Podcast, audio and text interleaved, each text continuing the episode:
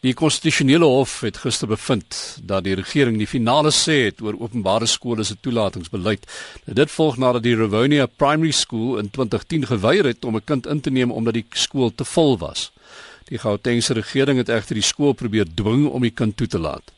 Die hof het onder andere beslis dat die optrede van on die onderwysdepartement nie regverdig was teenoor die laerskool nie. En ons praat nou met die uitvoerende hoof van die Federasie van Beheerliggame van Suid-Afrikaanse skole, dis Paul Kalditz en Paul Moore. Goeiemôre Kobus. Kom ons kry 'n bietjie duidelikheid nou. Het 'n openbare skool se beheerliggaam en skool of nog enigstens mag om te besluit oor die toelating van 'n kind of nie?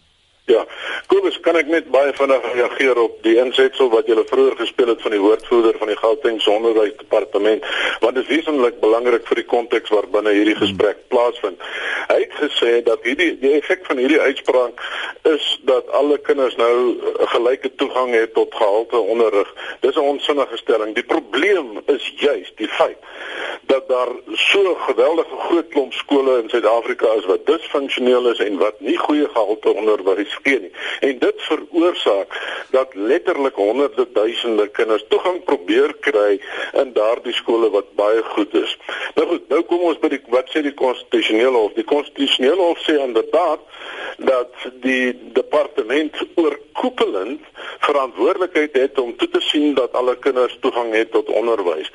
Maar 'n beheerliggaam op plaaslike vlak bepaal die toelatingsbeleid van die skool. Dit sluit ook in die kapasiteit van die skool met ander woorde hoeveel kinders daar in 'n klas en hoeveel kinders daar in die totale skool moet wees.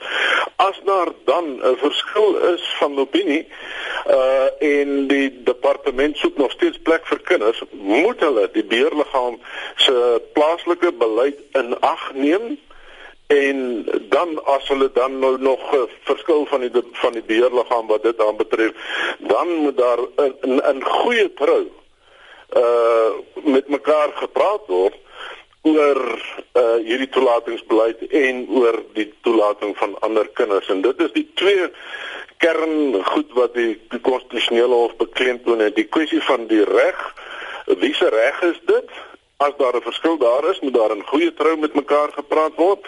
En dan die tweede ding is juist dan nou die kwessie van die proses wat gevolg moet word. En dit moet geskied ooreenkomstig die grondwetlike waardes van uh, billike administratiewe optrede. Deurslaggewend in die proses is dan nou die beste belang van die kinders. Wat is in die beste belang van die kind en daardie besonderhede om omstandighede. En dit sou onder andere dan natuurlik beteken dat oorvol klasse nie in in die beste belang van kinders is nie.